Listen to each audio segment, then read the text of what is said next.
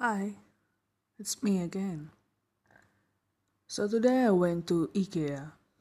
Yeah, I finally googled it how to say the right way of IKEA.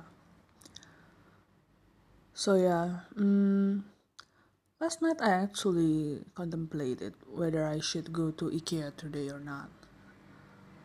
But yeah, I went there and I had the famous meatball with penny for my breakfast, which was also my lunch and my dinner.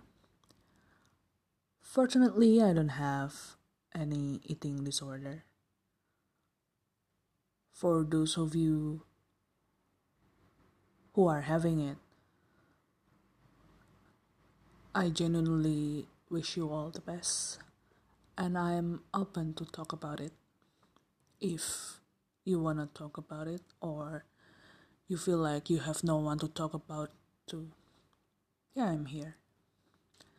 So yeah it's just my bad habit of only having one meal per day. One day my appetite can be so huge that i think i can swallow a dinosaur and then the other day i won't be having anything.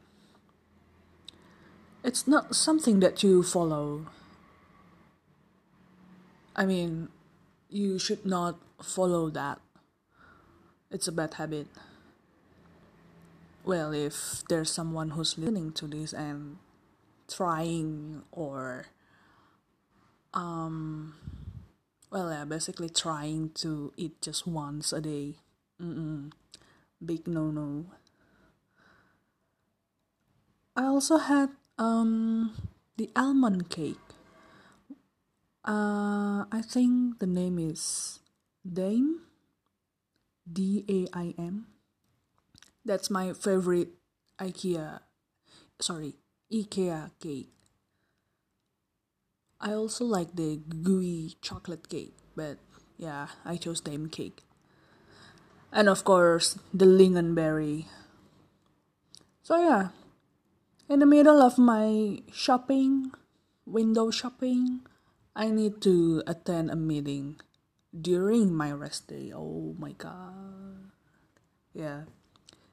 It is what it is. Anyway. Hmm. I really miss my man.